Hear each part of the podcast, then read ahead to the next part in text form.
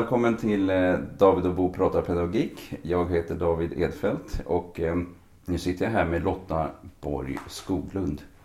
Du är läkare och har jobbat väldigt mycket med eh, personer med NPF och droganvändning och sådant. Och vi ska prata pedagogik, droger, NPF idag. Mm. Välkommen hit! Tack så jättemycket! Tack!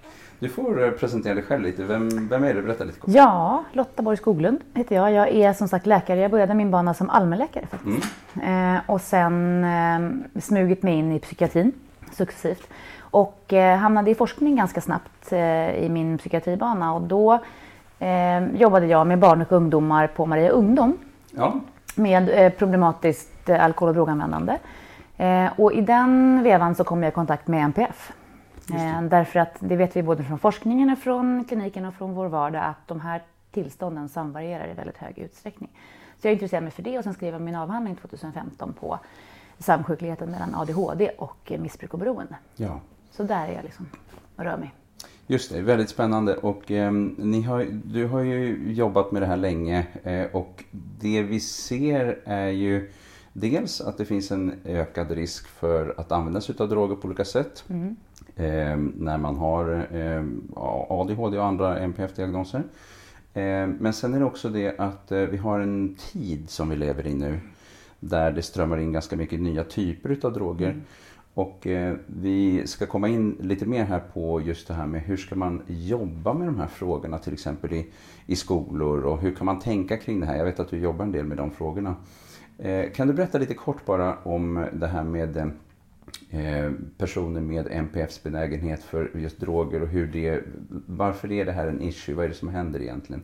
Varför ser vi att det är vanligare? Ja, det, det finns många olika förklaringsmodeller mm. det. Det vi vet det är att det är vanligare att drabbas av problematiskt alkohol och droganvändande om man har eh, ADHD. Mm. Så det är på något vis en sårbarhet. Och det är där vi brukar prata om det här med självmedicinering ja, och den precis. Och det, och det ligger väldigt mycket i den eh, tankegången av självmedicinering. Därför att det, det räcker ju med att du pratar och frågar unga eh, personer, eller vuxna också för den delen, med en NPF-bakgrund. Mm. Eh, och det är i väldigt stor utsträckning så att, att man berättar att man, om inte nu, så åtminstone någon gång i livet, har haft svårt att hantera det här med eh, alkohol, droger. Men det gäller även andra beteenden eh, som eh, har att göra med kontroll, att, att liksom kontrollera eh, det som egentligen då naturen har tänkt sig eh, ska, vara, ska, ska hjälpa oss eh, med att, att styra våra beteenden mot, mot ökad chans att överleva eller mm. ökad liksom,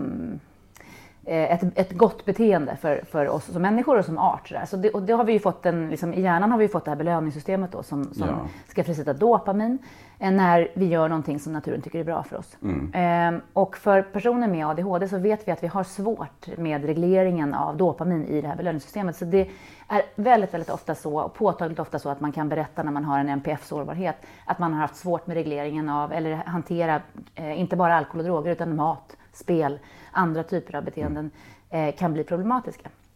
Så att vi ser den här eh, situationen samvarierar. Men det är faktiskt också så, har vi sett från forskningen, att man har eh, gemensamma genetiska riskfaktorer för ADHD och beroendesjukdom. Mm. Så det verkar som att det här hänger ihop på ett eller annat sätt då, med eh, eh svårigheter att reglera eh, sin dopaminfrisättning eller beteendesvar på dopamin. Och när vi nu är inne på den frågan så kan vi beröra just eh, medicineringsfrågan och droger. Överhuvudtaget har ju just ADHD-medicinering, det finns ju nästan ingenting som har debatterats så mycket som just Nej. det kanske av alla eh, mediciner, men kanske också medicinska tillstånd. Mm. Vad, vad, kan vi säga att det här beror på egentligen? Vad, vad är det som, eh, förutom... Ja. Att det är så kontroversiellt? Mm. Ja, nej, men det är därför att vi då har hittat en medicinering för ett tillstånd, till exempel ADHD, eh, där medicinen i sig Eh, har dopaminhöjande egenskaper. Mm. Så i princip så kan man ju använda de här medicinerna på fel sätt och bli beroende av dem eller använda dem på, som vi säger, icke-medicinskt då, att använda dem för att bli hög. Mm. Om du eh, använder fel typ av preparat eller på fel sätt. Mm. Så eh, oron är väl till viss del befogad. Eh, men för oss som jobbar med det här så vet ju vi att det här är otroligt säkra eh, läkemedel när vi använder dem på rätt sätt. Mm. Så till viss del så tror jag att den här debatten havererar lite grann. Eh, det är väldigt mycket tyckande. Mm. Och det är oft, inte, inte oftast vi som jobbar med det och vi som kan mest om det som är mest oroliga. Så det är lite paradoxalt. Då, att, att det, det är, de som kan minst som är mest ja, men oroliga? Ja, på, liksom, ibland får man den upplevelsen i alla mm. fall. Att, att, att det är liksom på något vis fritt för vem som helst att tycka till om de här läkemedlen mm. utan att ha särskilt mycket eller djupgående kunskaper om ja, dem. För när vi tittar på studier då och eh, när det gäller just droganvändning, vi tar till exempel tonåringar, droganvändning och eh, ADHD. Mm. Eh, så jag har uppfattat det som att det finns snarast liksom att när man använder medicinering på rätt sätt så får vi en, en minskad risk ja. för andra ja. droger. Ja, men alltså. precis så. Och det här handlar ju om, om allt, allt det som vi vet om NPF. Ju tidigare vi kommer in i ett barn eller en ung persons mm. liv, får rätt förklaringsmodell till varför man har de här svårigheterna och får rätt behandling. Och då gäller det inte bara medicinering naturligtvis, men Nej. medicinering är en del av det. Och kommer man in tidigt med medicineringen så ser vi från forskningen att man har minskad risk att utveckla eh, problem med alkohol och droger när man kommer i tonåren. Så det här är ju supervikt, en superviktig koppling att belysa. För jag mm. träffar ju väldigt många oroliga eh, föräldrar som jag tycker med, med, med fog, jag menar det, att medicinera ett barn det är en stor grej. Det här är en växande hjärna och det här är mm. inte några tillstånd som vi botar. Mm. NPF botar vi inte, utan mm. vi eh, hanterar de svårigheterna man har när man lever med de här tillstånden. Mm. Eh, och upplevelsen eller tanken eller känslan då som förälder att veta att man ska kanske medicinera ett barn under många år eller kanske i, i vissa fall en hel livstid. Menar, det är ett stort beslut man tar som förälder i egenskap av liksom, mm vårdnadshavare för det här barnet. Så det är klart att man ska tänka och man ska lyssna in och man ska skaffa sig all kunskap som finns. Men vi som forskare och jobbar med det här, vi vet ju vad den tillgängliga kunskapen idag säger. Nämligen att ju tidigare du kommer in med rätt behandling, desto mindre risk för negativa konsekvenser av din NPF-problematik har du. Just det. Och det som händer nu då, eh, som jag har förstått det, eh, eh, är att nu kommer det in ganska mycket nya typer utav droger. Det är ganska snabba bud. Det finns en slags eh, drogpositiv hållning. Kanske lite, eller vad man ska säga, genom eh, ungdomar kollar mycket på Youtube-klipp mm. från hela mm. världen och det är liksom en global rörelse. Samtidigt så har vi då i USA är det vissa stater som har legaliserat mm. droganvändning, alltså marijuana i alla fall och, och så. Hur ska man jobba med de här frågorna? Eh, du har varit involverad i lite olika projekt kring det här. Kan du berätta lite grann om de erfarenheterna? Ja, och då ska jag kanske börja med att vara tydlig med att de projekten som jag har varit involverad i mm. har inte haft så mycket med NPF att göra, utan det har haft med allmänt då för ungdomar, unga vuxna och droganvändande, attityder, normer i samhället. Vad är det som gör att vi ser att alkohol eller droger ökar eller minskar över tid och sådär. Mm. Och vi har haft ett eh, projekt nu där vi har liksom tittat väldigt mycket på en eh, specifik grupp. Det finns en eh, undersökning som heter Stockholmsenkäten mm. där man mäter, där ungdomar själva får rapportera eh, sina alkohol och drogvanor. Mm. Och sen finns det en som är, precis, och sen finns det mm. en som är på nationell eh, basis som mm. Centralförbundet för alkohol och narkotikaupplysning, CAN, eh, gör mm. eh, varje år. Och så kan vi följa trender och sådär. Och så ser vi att vissa grupper och vissa geografiska områden, där verkar ungdomarna använda väldigt mycket mer alkohol och droger än i andra områden. Det. Eh, och det där har vi intresserat oss för och vi har intresserat oss för vad som händer i de grupperna. Därför att ungdomstiden oavsett om du har NPF eller inte, är ju väldigt speciell. Mm. Alltså när man tänker sig, vad, vad, vad vill naturen att vi ska göra under de här åren? Jo, den vill att vi ska frigöra oss från den gruppen som vi är genetiskt besläktade med.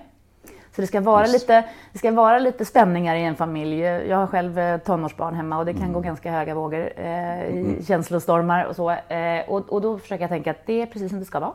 Eh, därför att man ska inte tycka som sina föräldrar, man ska eh, hitta sin egen väg i livet och det är några år där vi inte ehm, eh, liksom helt bara eh, av, eh, där vi inte självklart har en access till vad våra unga tycker och tänker och gör. Sådär. Nej, och det finns också en problematik med att kontrollera allting. För ja, då, nej, men det gör ju det. Det, det är inte ja. meningen så att säga, men nej. det är också problematiskt. Ja, men det är intressant att titta då på hur de här trenderna har gått. Där, där när jag var ung på 90-talet, då mm. var det liksom all time low i, i droganvändande. De som använde droger då var illa ute. Det var en liten grupp mm. och de var ganska, liksom, det, var, det fanns en anledning, eller det fanns en, vår, när våra föräldrar sa använd inte droger för det kan gå åt helvete, då mm. fanns det lite mer bäring på det än vad det mm. finns idag. Mm.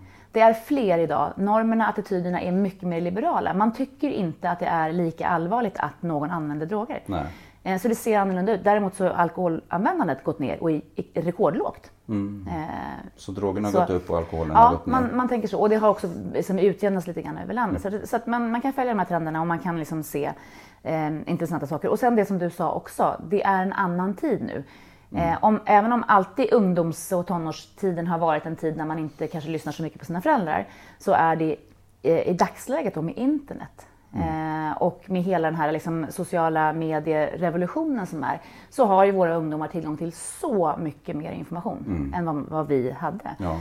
Så de letar den och de tittar efter det och de, de liksom söker sig nya vägar. Och där är vi liksom lite grann efter ja, eh, i den, ja, eh, i den liksom utvecklingen. Så, så det blir en, en, ytterligare en utmaning för oss som är föräldrar idag.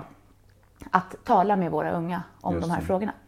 Eh, och det blir en eh, utmaning för oss att vara pålästa tillräckligt. För att ungdomar, i alla fall min upplevelse, de, de gillar att diskutera och prata om de här sakerna. Mm. Men om vi inte är pålästa, då är inte vi trovärdiga. Eh, och då söker de liksom ännu mer sin information eh, utifrån. Och det projektet som vi, som vi har gjort nu, det var i, i några gymnasieskolor där vi har mm. eh, testat en helt ny approach. För vi, vi tänkte det, att det, det är nog inte liksom, det, det, funkar nog inte längre med den här gamla traditionella ANDT-undervisningen där jag som forskare och specialist och så och vuxen kommer och föreläser för dem om hur farligt det är. Liksom, och skrämselpropaganda och använder du det här så kan det här hända och sådär. För de har, ju, de har sett så mycket annat och de har så mycket andra källor till sin information. Så vi tänkte att vi vänder på det här begreppet och så, så går vi ut i gymnasieklasser och så, så säger jag så här, det här är en föreläsning som jag har för era föräldrar. Mm. Vad tycker ni saknas i den? Mm. Och det, Spännande. Ja, det var jättespännande. Och det, det var, väckte en sån enormt livlig diskussion. Eh, och jag fick istället för att vara den som kom med sanningarna och lösningarna bli ett, ett bollplank mm. eh, för deras kunskaper och deras frågor. Och det blev väldigt, det blev väldigt spännande. Vi hade ingen aning innan hur det här skulle gå. Jag var jättenervös. Jag har aldrig haft ett sånt otacksamt tror jag, föreläsningsuppdrag. när man känner att man, liksom, man, man har inte så himla mycket att komma med. De kan väldigt mycket mer om, om områden som jag inte har liksom, kunskap om. Mm. Men det blev fantastiskt eh, värdefullt. Så det är någonting som händer nu då, att vi behöver så att säga vända på det sätt som man jobbar på. Eller man kan säga att man behöver möta ungdomarna där de själva ja, är. Och, jag, jag och det, lyssna på, ta frågorna, prata om det fram och tillbaka och inte hålla på med skuld och skambeläggande och skrämselpropaganda på samma sätt Nej. som man har tänkt tidigare. Nej, och vi har ju alltså som beroendeläkare så har ju vi ett, liksom, ganska, jag har ett ganska tvivelaktigt förflutet. Vi har ju jobbat väldigt mycket med skuld och skam och mm. shaming mm. och blaming. Mm. Och, så, eh, där personer som drabbas av de här problemen då på något vis eh, liksom sätts ut i kylan och anses ha för dålig karaktär eller liksom sådär. Det, det, det, återigen så har vi, har vi liksom en grupp av, av individer, i mitt fall patienter, där allmänheten tar sig friheten att tycka och tänka otroligt mycket mm. om orsakerna till och varför de gör på det här sättet och varför, hur det skulle vara. Du, du behöver bara göra på det här sättet och sådär. Man utsätts för så mycket tyckande eh, när man drabbas av de här problemen, både som mm. ung och, och äldre. Um, så, och, och, och, att vara ung då, mm. när man liksom kanske automatiskt vill säga nej eller tycka tvärt emot mm. eh, vad jag som läkare kommer och säger. Det blir en Just utmaning i den, i den liksom, samtalsdiskussionen. Och att då backa ett steg och istället göra sig nyfiken på vad den här personen som han har framför sig faktiskt mm. tycker och tänker och vad han, han eller hon kan om det här.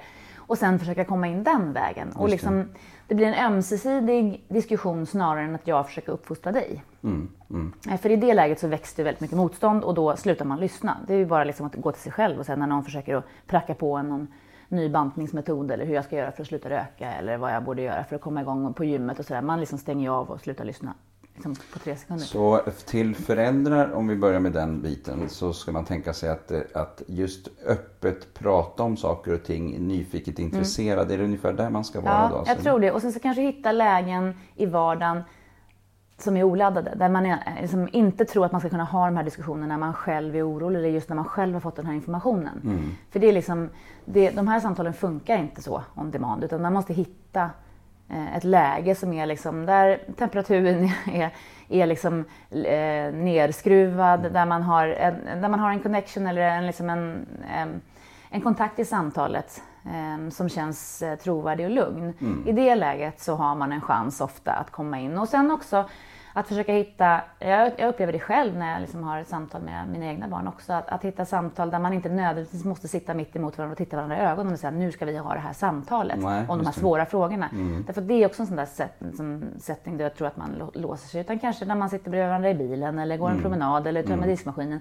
Man hittar eh, möjlighet att få komma in med de här nyfikna frågorna i vardagen. Mm, När, när, eh, och, och att vara genuint nyfiken. Du måste Mm. också vara beredd på att ta emot det svaret som kommer och hantera det. Mm. Eh, och jobba utifrån det. Och det här är ju minst sagt eh, svårt med tanke på att droger också är, är så, vad ska man säga, det är laddat, det är förbjudet. Mm. Eh, så helst vill man bara säga till sitt barn, nej men det där skulle du inte göra. Nej, men helst vill man väl låsa in dem och slänga bort nyckeln och släppa ut dem när de är 25.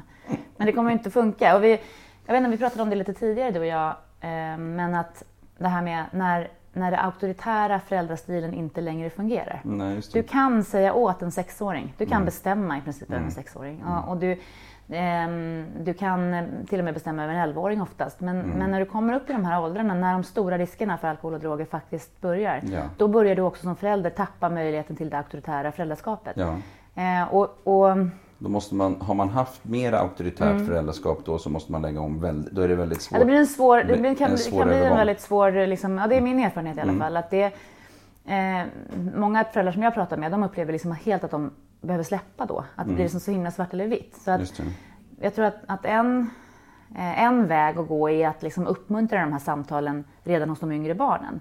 Och intressant från det här ungdomsprojektet som vi gjorde i gymnasieskolorna, det var just att ungdomarna, liksom, de, de gav det budskapet till oss. De sa liksom att ni kan inte komma nu, ni är så sena på bollen, ni kan inte komma nu när vi går i högstadiet gymnasiet med det här, liksom, de här liksom, kunskaperna om, för vi är internets medborgare. Vi, har redan, vi har redan den här kunskapen. redan vi har så mycket mer. Ja, de har varit igenom det. Eh, vad de sa däremot, att, att det här är ju värderingar ehm, som grundläggs mycket tidigare. Mm. Alltså har man, har man haft ett förtroendefull, en förtroendefull relation till sina föräldrar och kunnat prata om saker när man var yngre, Ja. så är chansen mycket, mycket, mycket större att man klarar av att göra det. Det är svårt Mm. att plötsligt få till förtroendefulla diskussioner med en tonåring om de inte har funnits Ja. tidigare. Det är svårt att få det mandatet, att, Mm. Ja. att få ha det samtalet. Om man, om man tidigare haft en väldigt liksom auktoritär Mm. stil där men vi är vuxna, vi vet vad som gäller, barn ska veta sin plats. Mm. Eh, och det, jag tycker det är intressant också med, med eh, samhället idag. Det är liksom två strömningar som går parallellt. Det ena är just det här liksom att försöka få till samtalet och att ha ett, en, in, ett interaktivt föräldraskap. Och det andra är som också är liksom lite mer konservativa strömningar som också pågår i vårt samhälle nu. Att, att barnen ska inte få ha för mycket makt. Eh, det ska liksom, man måste veta sin plats och det ska vara ramar. Och det, och det, egentligen så är inte det, de här två liksom, eh, ömsesidigt uteslutande. Att, att barn och unga vill ha tydliga regler och ramar för vad de, vad de liksom, det är liksom, tror jag att de allra flesta upplever är liksom en trygghet att, att det står en vuxen vid rodret. Ehm, men att man ska ha möjligheten att få komma och prata och fråga och att det ska finnas ett öppet klimat för det utan att någon bara bestämmer rätt över Det huvudet. känns som att det är kanske är lite en enkel, enkel lösning så att säga.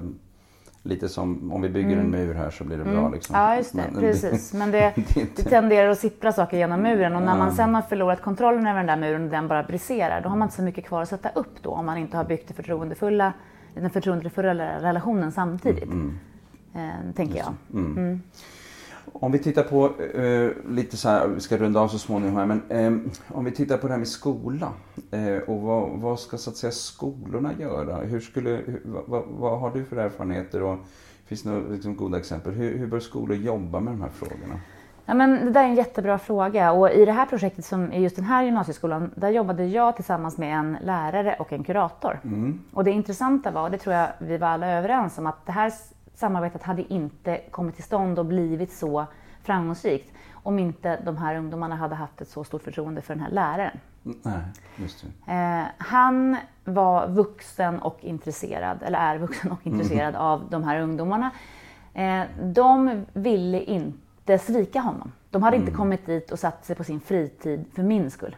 Mm. Det hade Nej. de inte gjort. De har haft sina ANDT-föreläsningar och de har, liksom, de har, gjort, de har sina uppfattningar om det Så här. det här var utanför Ja, curriculum? ja, så att det, här, det här var utanför och de kom ändå. Mm. Och, och det är jag ganska övertygad om var av respekt för den här läraren som Mm. de kände hade engagerat sig och brydde sig så mycket. Och det märkte man ju direkt när vi började jobba här. Det här var ju en, eh, Erik då, Erik, Erik Håkansson eh, i det här fallet, han var genuint engagerad i de Mm, här ungdomarnas liv. Han kände dem, han visste dem, han visste hur deras föräldrar mådde. Han, hade liksom, Mm. han snackade med dem eh, om livet.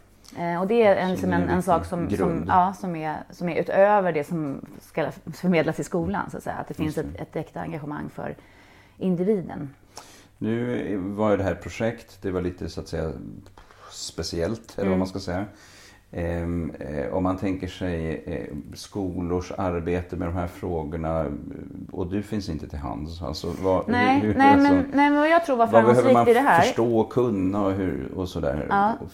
Ja, men jag, vad jag tror var framgångsrikt med det här, det är att vi inte kom med en färdig lösning på den Nej. första workshopen. Utan vi sa så här, det här är, det här är så, så mycket som vi vet. Mm. Ni är ju experter på ert liv, låt oss tala.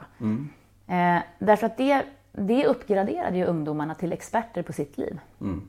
Och då är man mycket mer liksom, benägen att engagera sig. Mm. Än, om, än om du ska sitta här och jag ska ha en föreläsning och, lära dig någonting om någonting som inte de tycker att jag kan lära dem ett skit om. Mm. För jag är liksom eh, 40 år för gammal för dem.